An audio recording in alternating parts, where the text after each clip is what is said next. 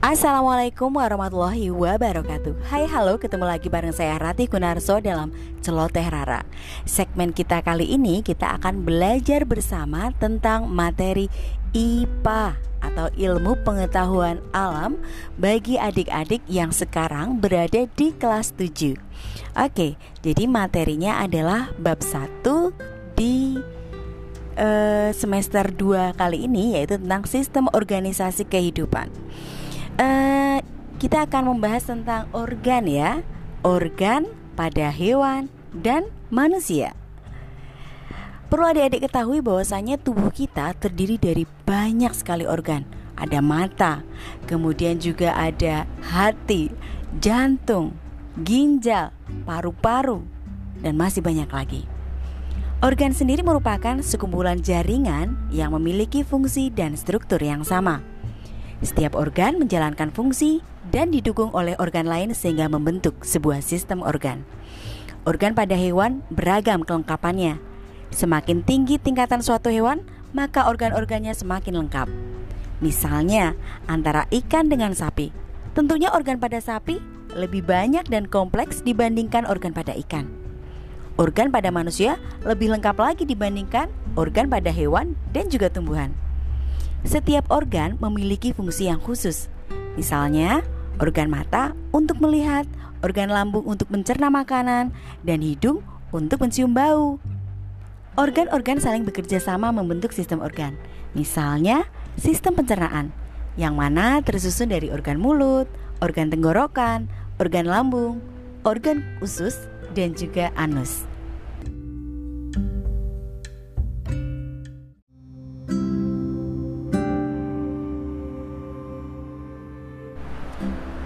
Oke, selanjutnya adalah organ pada tumbuhan.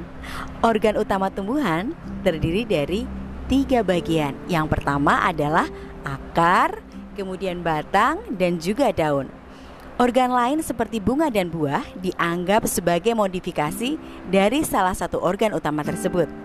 Misalnya, bunga merupakan modifikasi dari daun.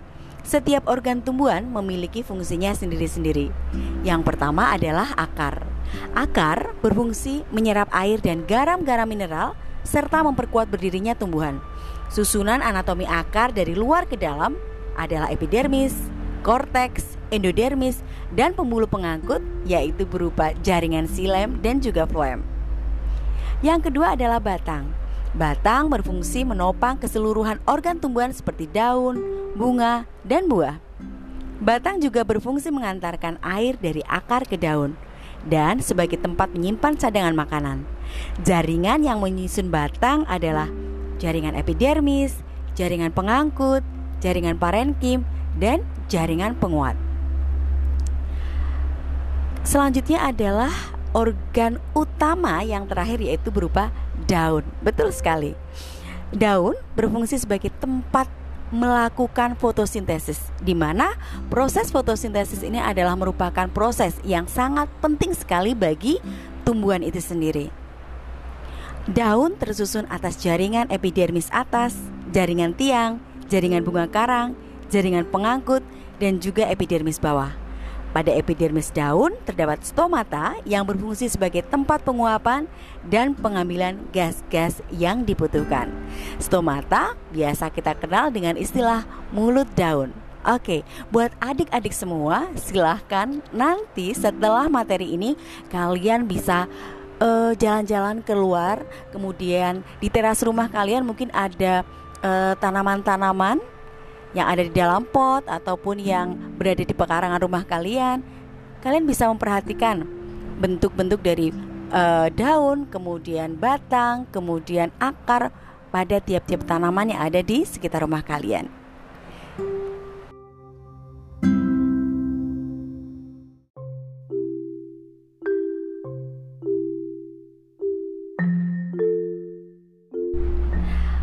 Baiklah adik-adik, setelah kita belajar tentang organ pada tumbuhan, hewan, dan manusia, sekarang kita belajar tentang sistem organ.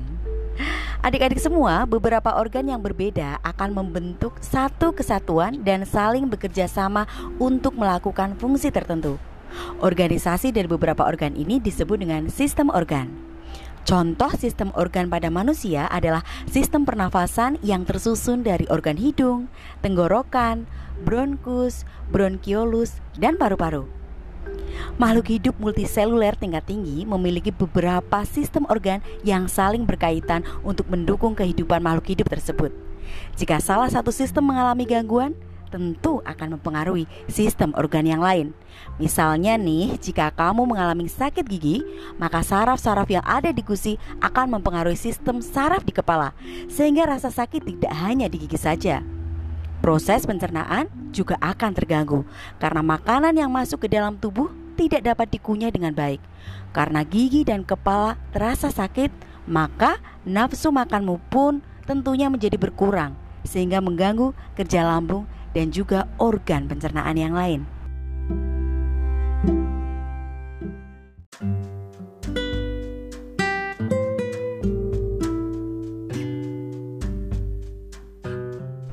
Baiklah, sekarang ke segmen berikutnya yaitu tentang bagian-bagian sistem organ, organ penyusun, dan fungsinya. Sistem organ yang pertama adalah sistem pencernaan. Untuk gambarnya, kalian bisa banget lihat di buku sekolah elektronik kalian ataupun lewat referensi lainnya yang kalian punya. Bisa juga kok kalian searching ataupun googling di internet. Meluncur aja langsung. Organ-organ yang menyusun sistem pencernaan antara lain adalah mulut. Di mana di mulut sendiri kita tahu ada dua organ penting, yaitu lidah yang menghasilkan enzim petialin dan gigi. Di mana gigi tersebut memiliki struktur dan fungsinya sendiri-sendiri untuk menggigit, merobek ataupun mengunyah makanan.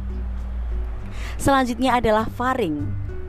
Kemudian esofagus, ada juga lambung, usus halus, usus besar, hati, rektum, pankreas, dan juga anus.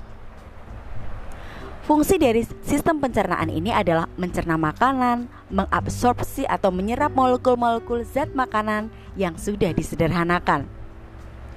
Adik-adik sekalian, untuk menjaga sistem pencernaan, maka kita sudah semestinya mengkonsumsi makanan dengan nutrisi seimbang, meminum air putih yang cukup, dan berolahraga.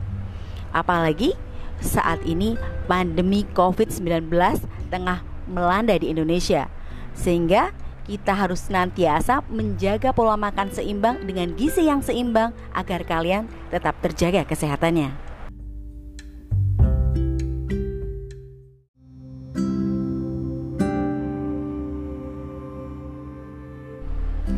Sistem organ berikutnya adalah sistem pernafasan. Adik-adik, kalian bisa melihat gambar melalui laman dan situs web pembelajaran yang biasa kalian gunakan. Untuk organ sistem pernafasan yang pertama adalah hidung. Di dalam hidung terdapat adanya rambut-rambut hidung yang berfungsi untuk menyaring udara ataupun kotoran agar tidak langsung masuk ke dalam paru-paru. Kemudian ada organ faring, epiglotis, laring, trachea, bronkus, bronkiolus, paru-paru, dan juga diafragma. Fungsi dari sistem pernafasan ini adalah sebagai pertukaran gas, oksigen, dan karbon dioksida.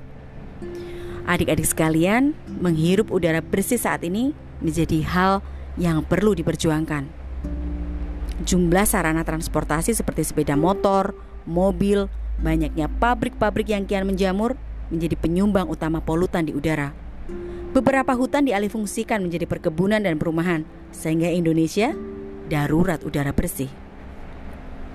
Adik-adik juga melihat kan beberapa berita-berita di media sosial kebakaran hutan yang melanda beberapa wilayah di Indonesia bahkan menjadi penyumbang asap bagi negara tetangga.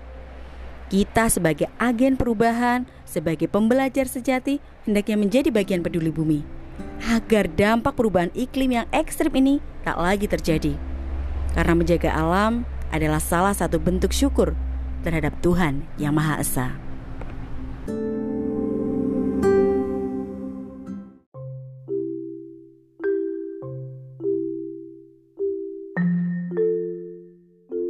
Sistem organ berikutnya adalah sistem gerak atau kita kenal juga dengan sistem rangka. Organ-organ penyusun dari sistem gerak ini antara lain tulang penyusun tengkorak, tulang penyusun anggota badan, tulang penyusun alat gerak atas, dan juga tulang penyusun alat gerak bawah.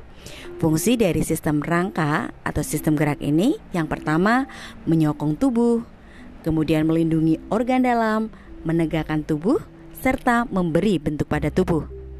Tulang tidak akan bergerak jika tidak ada otot sebagai alat gerak aktif. Adik-adik sekalian, hendaknya kalian tak lupa menjaga kesehatan tulang di masa-masa pertumbuhan saat ini. Dengan apa? Tentunya dengan mengkonsumsi makanan bergizi, menjaga berat badan, olahraga teratur, serta meningkatkan kandungan kalsium pada makanan, yaitu seperti pada susu, kangkung, kedelai, dan juga brokoli. Kalian juga eh, lebih baik berjemur dan menikmati matahari di pagi hari, karena hal ini akan mempermudah penyerapan vitamin D di tubuh kalian. Dan terakhir, tips buat kalian adalah menghindari kebiasaan sikap tubuh yang salah. Posisi-posisi yang salah tersebut berakibat fatal karena dapat membuat kelainan tulang permanen pada diri kalian.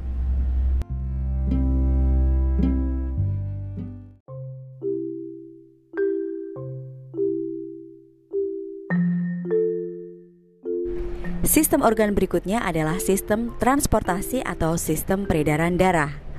Organ penyusun dari sistem peredaran darah antara lain jantung, arteri, vena, dan kapiler. Fungsi dari sistem peredaran darah yaitu mengangkut oksigen dan sari makanan ke seluruh sel tubuh dan mengangkut zat hasil metabolisme yang tidak berguna keluar dari sel tubuh serta melindungi tubuh dari berbagai penyakit. Nah, ngomong-ngomong, adik-adik sudah tahukah golongan darah kalian masing-masing? Jika belum, akan lebih baiknya segera kalian lakukan cek golongan darah di puskesmas terdekat. Hal ini penting banget dilakukan, terutama dalam kondisi darurat yang membuat kalian membutuhkan transfusi darah. Mengetahui golongan darah membantu tim medis bekerja lebih cepat mencari bantuan.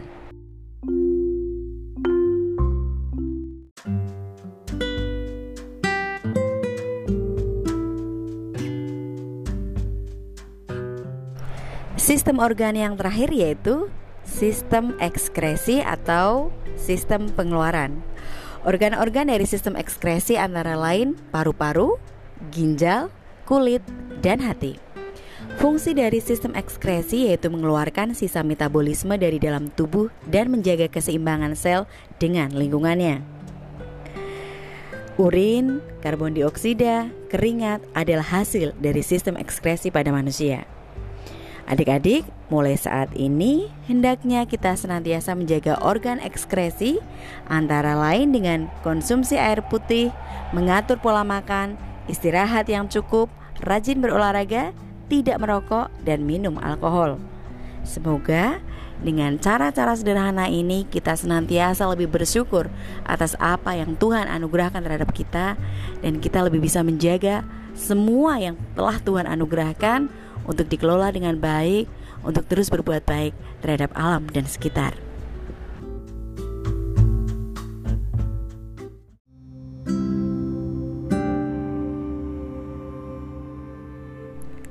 Demikian tadi belajar bersama saya Rati Kunarso di Celoteh Rara. Tungguin segmen-segmen belajar lainnya ya bersama Celoteh Rara. Assalamualaikum warahmatullahi wabarakatuh.